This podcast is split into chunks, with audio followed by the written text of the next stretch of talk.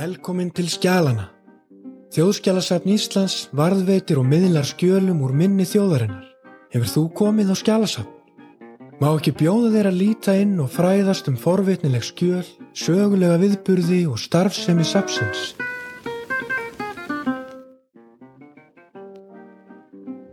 Velkomin í hlaðvarp Þjóðskjálasafs Íslands til skjálana. Ég heiti Unnar Ingvarsson og nú komum til skjálana riðstjórar að fymta bindi skjala landsnefndarinnar sem starfaði á árunum 1770 til 1771 er Hrefna Róbersdóttir og Jóhanna Þótt Guðmustóttir. Velkomnar Hrefna og Jóhanna. Takk fyrir. Takk. Við höfum fyrir framann okkur Volkávar prensmiðunni fymta bindið í bókafloknum landsnefndin fyrri. Þetta er engi smá smíði, næri 800 blaðsýður. Svo við byrjum bara að byrjunir Hrefna. Landsnefndin fyrri, hvaða nefnd er þetta og hvers vegna var stofnað til hennar? Þetta er nefnd sem að konungur Danmörkur og Noreg skipaði árið 1770 til að fara og rannsaka landshægi á Íslandi og þetta var þryggjamanna nefnd sem var bara sendt með vorskipum til Íslands og átti að rannsaka eiginlega allt sem hugsast getur og það má segja að það hafi komið ímis líkindi svona þegar maður fór að skoða svona ímsar aðrar nefndir eins og hvað var hægt að gera í kreppi ástandi eins og bara eftir hrun á Íslandi þess að hvað átt að gera eftir mm. ungursneiðir og erfiða tíma Og þarna hafði verið kreppa á Íslandi. Já, það var svona, má segja að átjánduöldin hefur verið svolítið talin tengjast í að þetta væri erfiðleika tími en svo hefur verið, hafa fræðimenn rættu um það, voru þetta raunveruleg vandamál eða var byrjað að sjá vandamál þegar mm. þarna var komið sögu. Þannig að þarna var áhugi fyrir því að kynna sér ástandið á Íslandi, kannski fyrstu merki þess. Eitthvað. Já, það var rauninni var búið að vera alla átjánduöldina og kannski í Danmörku voru svona verið að skoða svolítið hvað hægt var að gera til að efla atvinnulíf og yðnað á fyrirluta átjándualdar en þetta kemur rauninni ekki til Íslands fyrir um 1750 og þessi nefndir sett að fá 20 árum eftir að hérna svo kvöldu innrættingar hefur verið stofnaðar mm. þar sem átt að reysa við landshægi á Íslandi bara svona frá öllum liðum bæði landbúnað, sjávarútveg og yðnað og síðan er þetta 20 árum síðar og þá er svona verið að skoða hvað tókst af því sem var búið að gera hvað mátti finna aðrar hugmyndir og þeir fóru svona svolítið nýjar leiðir í að nálgast landsmenn. Það var ekki bara haft samband við embetsmenn heldur var líka að verið að skoða og leita eftir sjónamöðum almennings og presta. Þannig að þeir eru ekki bara að skoða hvað er hægt að gera heldur líka að skoða það sem hafið þó verið gert. Já Hverjir voru það nú sem voru sendir hingað þessa, þessa ferð til Íslands, Jóhanna? Ég nefndin samanstóð af þremur mönnum og einum rittara. Það eru Andreas Holt sem er formáður nefndarinnar til að kanselýra norskura ættu uppruna. Það er Þorkel Fjellsteð, lagmaður í færiðum, íslenskur, hérna presslærður og hafi verið starfað fyrst hér á landi og svo starfað út í stjórndeindónum í Kaupmannahöfn.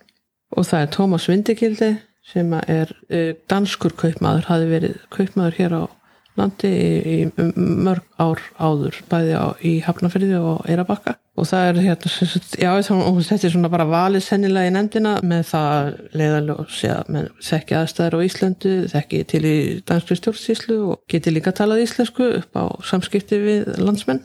Og svo er skipaður í Tari sérstakur Eyjólfur Jónsson stjórnufræðingur í Kaupanahöfn Gáttu þeir allir talað íslensku þessir nefndamenn?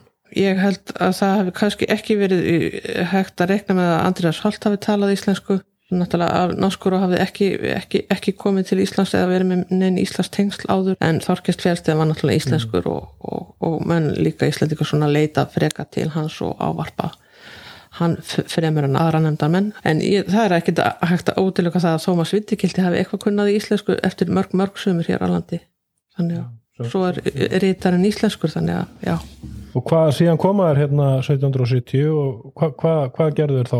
Settust þeir bara að einhver staðar? Eða, eða? Þeir fengu aðsetur í þugthúsinu á Arnarhóli eða stjórnaráshúsinu sem heiti nú. E, það var þá nýverða, nýbúið að vera að leggja loka hönd á smíði þess. Það var ekki komið í gagni sem þugthús en, en þeir fengu sem sagt aðstöðu í, í hluta af því og fara síðan nokkra ferði náttúrulega um landið til að kynna sig og sjá landið og ná að vera betra sambandi við landsmenn Þannig að þeir hafa ferðast að einhverju leitum landið? Þeir hafa ekki bara setið í Reykjavík í, í fögnuði þeir Eh, Nei, nei, alls ekki. Þeir náttúrulega byrjuðu á því eins og fyrsta sumari þá, þá stuttu, stuttu eftir að koma hérna í loki júni þá er, þá er alþingi og, og þeir náttúrulega sjálfsögðu skella sér á alþingi og þar hitta þeir náttúrulega flesta fyrirmennur landsins, síslumenn og aðra embættismenn. Og eftir alþingi leggja þeir í dálitin leiðangur norður í land þeir fara e, norður í Skagafjörð eru með aðsveitur á hólum í nokkra vikur fara þá um Skagafjörð og gera sér leiðangur út í Eyjafjörð og Ólafsfjörð og Siglufjörð og svo tilbaka um Húnavansíslur voru þeir að komast í samband við fólk eða voru þeir að skoða einhver ákveðna hluti? Til dæmis, já, hvað var að segja brennistins námur eða eitthvað slíkt eða var þetta meira svona tengslaferðir? Þetta er náttúrulega bæðu og tengslaferð uh, en þetta kannski ef þeir er að skoða einhvað sérstak þá eru það kannski sérstaklega hafnaraðstöður. Ferðin uh, í Ólafsfjörð og Siglufjörð er könnun og, og á Akureyri það er könnun á hafnaraðstöðu. Þeir eru líka að leita að hvar geti verið gott vitrarlægi fyrir stórskip já, akkurat. Framfæri er náttúrulega svolítið og svona framfæra hugmyndir, það er náttúrulega ma- margar tillögur sem koma fram, margar hugmyndir. Eh, það er auðljóst að menn hafa vilja nýta sjóun betur er það ekki? Hvað var það fleira sem að svona, þeir voru að velta fyrir sér? Þeir voru að skoða mjög margt. Erindisbrifið þeirra er nú prenta núna í þessu fymta bindi því að þetta fymta bindi Rittsapsins það snýst um þau gögg sem nefndin skrifaði sjálf. Það eru bæði fundagerðabækur þar sem hún hefur að fjalla um þær tillögur sem komið inn og síðan svona sérstök málefni sem hún hafði til úrlausnar.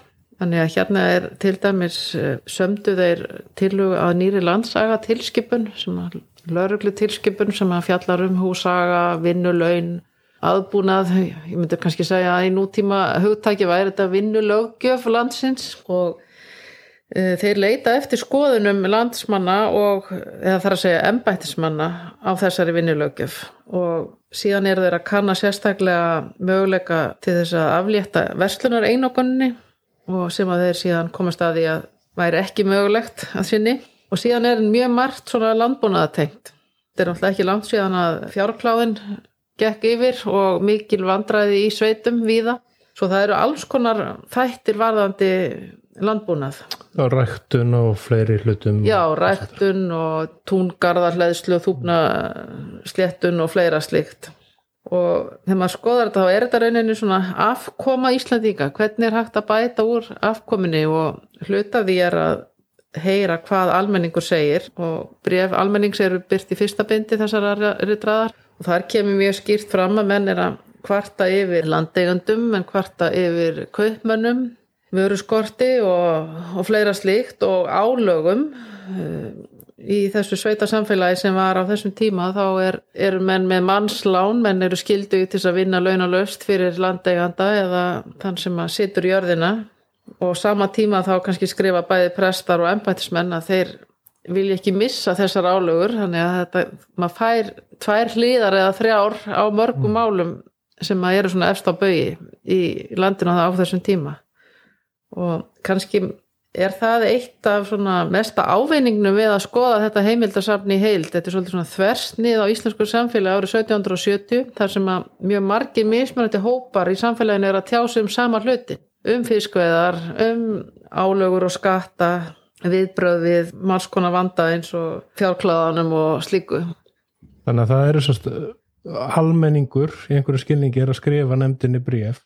Og hana, er, er þetta mörg bréf og hvað er almenningur í þessu sambandi? Er það, alltaf er það á lagstu stegum samfélagsins Nei og já, kannski. Ég vil svona að það koma örfá bref sem að við getum alveg sagt að sé frá lagstu stígum samfélagsins. Samt nafnlaus bref en þau eru ekki mörg. En það koma hann bref frá okkur um hóp sem kalla sig Íslands vesalingar og e, frá öðrum sem kalla sig Íslands fátæklinga og lýsir mjög vel kjörum og aðstæðum bara vinnufólks í landinu og ég kannski að lesa aðeins upp Já, veri, veri gaman Það er bréf frá Íslands fátæklingum. Það er dagsett í april 1771 en kemur ekki fram hvar það er í runni rítað en sennilega á söðvesturhornu landsins.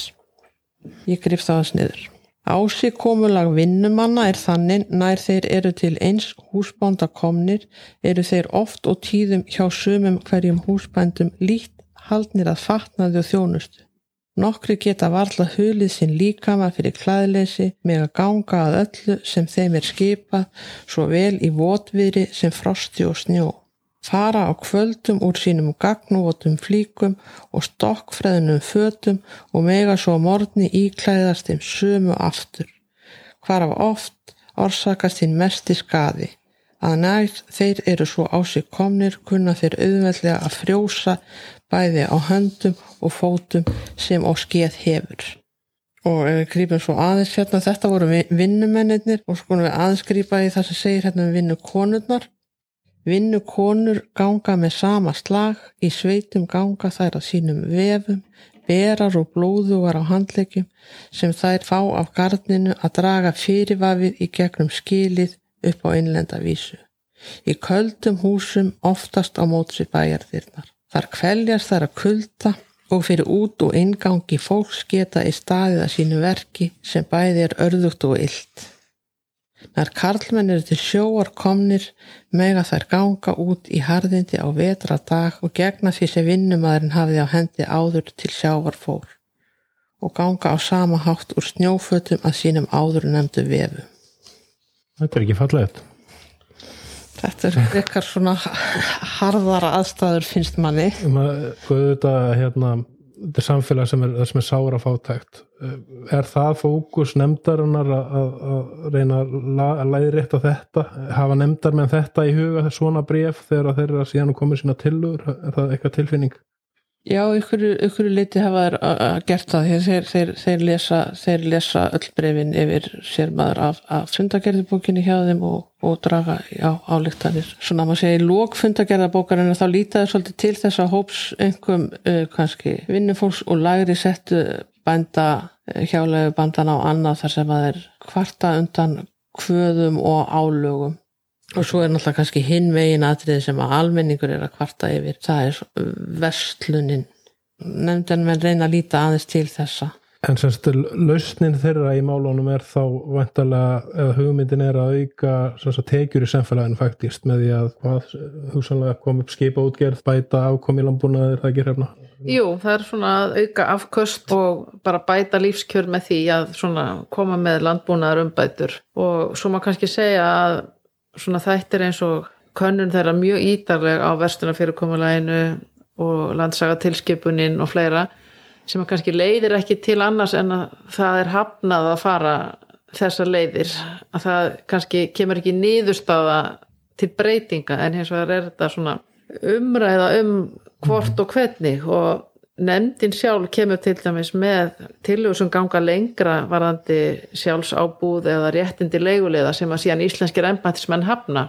Þannig að það kemst í rauninni ekki til framkvæmda en uh, kannski nokkur árum síðar að þá er farið að selja og auka sjálfsábúð, selja jarðir, biskupstóla og slikt sko en, en það er ekki svona í beinu framhaldi. Nei, þetta er kannski svolítið sérkjönlegu tími þarna, þarna vinna þeir einhverja tilhugur og leggja þeir vantilega fyrir kongin þá. Mm hann ræðir það í einhverjum hópi og sendir einhverjum embætismannum hugmyndir mhm. -huh. og svo kemur bara næstu harðendakabli og allt í voð á Íslandi hérna nokkur mánu setna Já, já, það er móðuharðendin og, og þá verður til landstændir síðari sem að rauninni tekur upp þráðin og kann, heldur áfram með mörg af þessum málefnum líka og það leiði til þess meðal annars að einakona vestlunir er afnöminn og síðan verða harðinda við bröð út af eldgóðsum og, og slíku. En það sem er samt kannski aðtiklisvert við þessa nefnd að hún kemur í kjölfar kannski margra annara úttekta sem voru gerð á þessar öll þetta er svona verið að rannsaka landshægi og í Danmarku landbúnaðarkerfi það er verið að afnema þar góðsinn og lénsbönd innan stóra jarðegna Það er verið að kanna náttúru auðlendir, það er verið að skrá þær, upplýsingastöfnan er þarna komið til skjálana, ekkert og bjarnir vísindaleiðangri sem er kostaður af Danska vísindafélaginu upp á 1750 og það er líka verið að leggja grunninn að þekkingu á öllu ríkinu. Og það er líka svona verið að kanna landsægi og annað í, í, í Noregi danska stjórnsíslan er að abla upplýsinga um hvernig hún getur styrt samfélagið og væntalega líka auki tekju sínar af því. Það er svona annars konar hugmyndir um stjórnun í gangi á 18. heldarinn og 17. mann finnst svolítið merkilegt eða mér er svolítið merkilegt bara þetta form á þessum tíma þannig er eitthvað bara nefnd og hún heldur sína gjörðabók og þetta er, þetta er markvist og skinsamlega unnið og Jú, þetta er mjög skipulagt og allt hefur varvist. Þeir eru með mjög skýra brefadagbók, merkja öll sín skjöl og það vantaði ekkert upp á skjalaversluna hjá þeim. þetta er kannski svona aðteklisvert þessi svona hugmynd um að ná til landsmanna. Því að kannski fyrir þennan tíma þá býr stiftandmaðurinn í Danmarku en hann kemur með sama skipi og landstemdin til Íslands og þannig það verður til nýtt ennbætti sem er þá nær stjórnsýslinni beitni tengingu við Danmarku. Þannig komið þeir með þessar tillögur, er, eru margar tillögur sem er beinins uh, settar í framkvæmt í kjölfar þessar starfs, er eitthvað svona konkrétt tillögur sem beinins ná fram að ganga? Um, það er um, það er aðeins verið svona mismöndur skoðun á því hvort að það er það sem að gerist í ymsum málum á 8. áratögnum megi reykja til nefndarannar eða ekki. Það hefur stundu verið sagt að eftir alla þessa vinnu hafi ekki komið svo mikið út úr því. En hins vegar er þetta svona þekkingagrunnur um Íslands samfélag sem að síðan heldur áfram. Og landstemndir síðar byggir rauninni allt sitt starf á þessu sem hérna er komið. Og landstemndir síðar tók til starfa 1785 eftir móðuharðindin. En hún starfa sem nefnd í Kaupmannahöfn og er að skoða hvað hefur gerst í landinu frá 1770 og fram að þessum tíma frá því að landstemndin fyrir laug sínum störfum. Mm. Þannig að það var einhverja mælingu á því hvernig staðan var já, 1770. Já, og halda síðan áfram að vinna með það og gera þar ímsar mjög áhugaverðar óutgefnar skýrslur sem eru til hjá landstemndinni síðari þannig að þegar við Jóhanna verum búin að gefa út þessi 15 bindi sem þetta er samtals þá verður ansi góðu grunnur til rannsókna um Íslands samfélag á loka átjátt Já, þannig er sanns að grunnur að rannsóknum. Þeir að gefa út frumskjölin en vísu eru líka byrtar rannsóknar greinar í bindunum. Nú er til þess þessu bindi grein eftir Helgu Lín Bjarndóttur sem er um landsagatilskipun Þorgels Fjálstað mm -hmm. tölum við Helgu Lín og eftir. En bara talandu um framhaldi þetta var fjöndabindið og svo kemur hvað sjötabindið er það lokin þá þessari fyrir landsnefndi eða hvað? Já, það er hugmyndið, þá erum við að, sagt, að klára að gefa út og það eru allir vinnuskjöl landsnefndarinnar sjálfrar og meira svona gögn á hugmyndaplani. Þannig að maður getur lesið þessi tvö síðustu bindi svolítið saman. Þetta fymta bindi sem kemur núna það eru öll svona formlegir pappira nefndarinnar en í sjötta bindinu þá koma svona vinnugögnin ennar hvað verður það marga síður í hona þegar þetta verður komið alls saman og brent þú verður þá takt hennum ekki alveg, við getum kannski reiknaða svona eitthvað 7 til 800 sinnum 6 já, það er nefnilega, þetta er ansið mikið af, af síðum, sko, grundullur naði að þetta var raunverulega gert og þetta verkefni það er samstarfið það ekki milli skjálasafna og sögufyrast Jú, þetta bref sem að Jóhanna las hérna áðan eh, frá Íslands fátaklingum, það var fyrst gefið út í andvara hérna 1948 og það var Þorkill Jóhannesson sakfræðingur sem hafði rekist á þetta og byrti og framald af því þá fór sögufélag að vinna að útgáfa á skjölum landstændarinnar og kringu 1960 voru gefin út tvö lítil bindi með skrifum nokkura ennbættismanna og síðan þá hefur sögufélagi verið með það á prjónanum að gefa þetta út áfram og, og fegst styrkur um nokkurt skeið en síðan lagðist svo vinna af. En um, árið 2012 að þá svona fórum við að taka upp þráðin aftur og í samvinni við sögufélags, þjóðskjálasaps og ríkiskjálasapsins í Kaupmannu að gefa þetta út með sameilu átaki og, og er öll útgáfan styrt veglega af dönskum sjóði Ágústinus á sjóðnum sem skiptur öllu máli fyrir framkvæmt þessa verkefnis og hluti af því er að gefa út uh, í rauninni þessa heimilda útgáfu sem tvímála útgáfu. Allar skýringar og adressorð og greinar og ingangar og allt sem að tengist þessu efni er bæði á dönsku og íslensku og þetta er náttúrulega skjálasafn úr skjálasafni dönsku stjórnsýslunar, þessi danska mm. miðstjórnin sem er að gera úttekt á Íslandi og þess vegna er þetta líka mikilvægt innleg í danska sögu, hvernig þeir stýra eða reyna að hafa stjórn á eigin í úthafinu En þetta er hluti samt af þeim skjölum sem Danir afhengt okkur 1928, er það ekki skjala afhendingunni? Jú, þetta er mikilvæg hluti af henni og kemur úr skjalasafni rentukamarsins. Já, akkurat. Þetta er náttúrulega auðvitað alveg gríðarlega vinna í kringum þetta. Þetta er uh, flókin text að lesa á þetta Jóhanna, er þetta ekki bara erfitt að lesa dönsku skrifað á einhverju hragnamáli? það er kannski örlítið erfitt til að byrja með það er eins flott að en það er hérna, en það lærist fljótt já, já, það lærist fljótt og gengur, þetta er yfirleitt vel skrifað og þægilegt að því leiti Hrefna, hvað er að nálgast þessar merkilegu bækur? Jú, þessar bækur er, það er hægt að nálgast bæði í gegnum sögufélagið og eins í, í bókabúðum. Til aðmyggjum með þetta, þetta glæsi, glæsiverk, eh, ég nefndi á þann að í þessu fymtabindi er grein eftir Helgulín Bjarnadóttir Sakræðing og Skjálavörð sem fjallar um landsaga tilskipun Þorkels Fjálsteð sem var einna nefnda mannunum eins og við töluðum um. Skulum heyra hvað Helgalín hefur að segja um Þorkel Fjálsteð.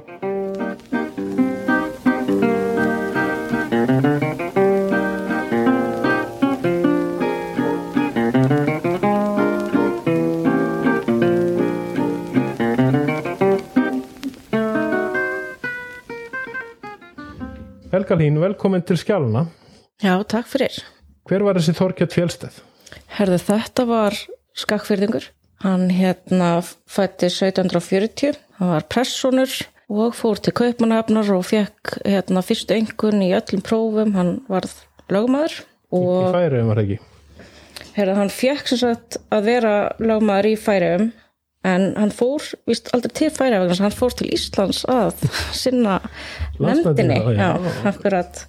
En eftir það þá hérna var það svona amtmaður í hérna, Finnmörk sem er nýsti hluti Noregs svo var hann líka amtmaður í Borgundarholmi og Kristjansand og var líka í Þrámteimum og bara var... Þetta er bara stjarnar í, í danskri stjórnsýslu Já, þetta, uh, ímyndum okkur bara embættismann á ánundöld þetta var, þetta var hann sko. Bondarsson frá Íslandi fór í Kaupanharparháskóla lögumæður, já. Í Íslenski draumurinn Íslenski draumurinn, þannig að rætast, já. Akkurat.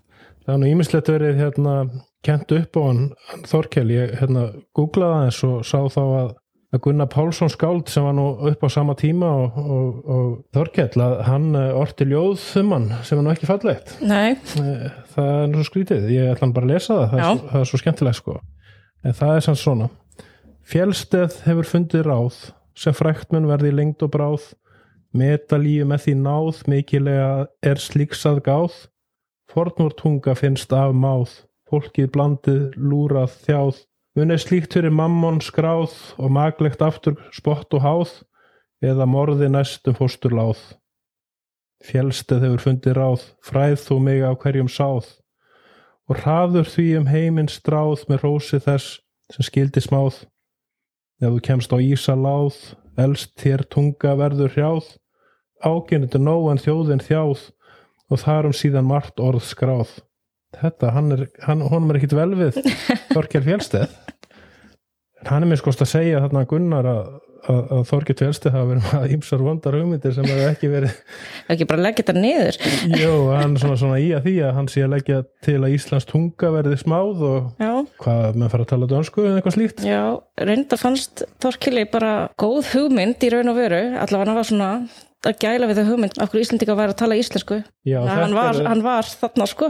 Þetta er klassísk framfara hugmynd á Íslanda þetta er íslensku. Þetta, kemur, þetta kemur mjög oft upp í hérna ekki langt síðan þetta verið rétt á Íslandi en við ætlum ekki að tala um Þorkjell uh, þannig en, en hann sem sagt í þessu femta bindi af skjölum landsnefndarinnar þar byrtið þú reitgerð um landsaga tilskipun hvað er nú landsaga tilskipun? Það er náttúrulega bara rannsóknarefni út af fyrir sig að átt að sjá því að þetta er svona tilskipun þar sem að sem eru sagt, ofan á landslögum eða sagt, ríkislögum sem að erum bara hvernig fólk á að haga sér bara í eiginlega daglega lífinu hvernig stjórnsíslan á að virka Þetta er, já, eiginlega bara flókinn spurning, sko.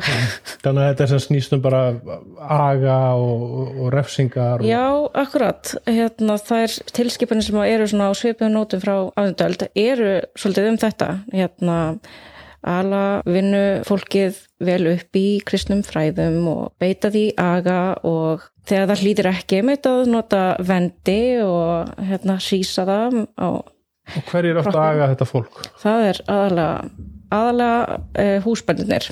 Þeir átt að halda uppi sagt, húsaganum. Þeir átt að aga bara alla sem voru inni á heimilinu sem var eiginkonan og börnin og hjúin og niðursetningana bara alla, þeir áttu bara allir að vera undir húsbúndavaldi sem var bara hlýða honum í einu og öllu. Þannig að hann er talsmaður vistabans til dæmis. Algjörlega, já, algjörlega, já, já, já alveg, hérna klárlega hann, móti allir lausamennsku og sjávarútöks já, hann, hann nefnitt bannar alla lausamennsku í þessari tilskipun sem að kemst svo til framkvæmdar 1783 Já, þannig að hún kemst drömmurlega til framkvæmda Já, já hún er tekin fyrir á nefndin og samþygt þar eða hvað bara sem Já, greinlega. Eru menn semst að þingja refsingar með það sem áður var? Já, eiginlega, hérna fjölstið er heila svo litið uh, refsiglaður hann er til dæmis að bæta við tuktúsvist þar sem áður var bara háa sektir. Uh, hann er til dæmis að kynna fyrir Íslandíkum hérna vil nota svo kallan tríhest sem er algjört pyntingatæki. Það eru svona tvær fjallir sem fara upp í hérna ott svo sem er á hliðin, hann liggur ofan á þessum otti og þetta var bara beitt í Kaupanahöfn í hérna sveitunum þar.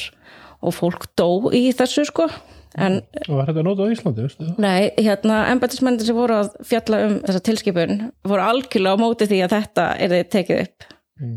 og í raun og veru er þetta svolítið svona þetta eru of háarsaktir þetta eru of, of já, þeir eru svolítið svona Ná, þeir vildi áfram verið í hýðingunum og, og svona þeir vildi bara vera áfram í því sko Gapastokkum og svoleiðis Já, það var bara klassíst og fint Ef við skilum þetta rétt þá sem sagt er hann auðvitað batsins tíma auðvitað og hann er sannst bara að koma fram með hugmyndir sem hann telur getur bætt síð fyrir landinu sem munum eftirlega þá auka afkost að gera menn vinnu sama, vinnu sem er eftirlega mikil orð. Algjörlega, hann vill að hérna, Íslandíkar verði bara sjálfbært innan Danmerkur að vera hlut af hjólinu sem knýr ríkið áfram. Mm -hmm. Íslandi er náttúrulega hlut af danska ríkinu það er, það er ákveð hjól. Síðan verður hann náttúrulega mjög valdamíl maður í bæði Lappandi og Norri Einmitt og það er út af fyrir sig rannsóknarefni sem þú hefur kannski ekki farið hvernig, hvernig beitti hans sér þar? Nei, akkurat, það var alveg virkilega skemmtilegt að vita hvort hann væri bara með tríhestin þarna á lofti og svo framvegir sko.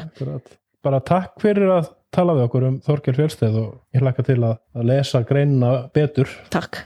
Og núna er bókin komin út uh, og hægt að nálgast hana hjá sögufélaginu til dæmis á vefnum og síðan er upplægt að kíkja á vefin landsnemdin.is þar sem að er hægt að fræðast meira um landsnemdina. Flutti langama þín til Vesturheims? Er sögðaþjófur í þinni fjölskyldu?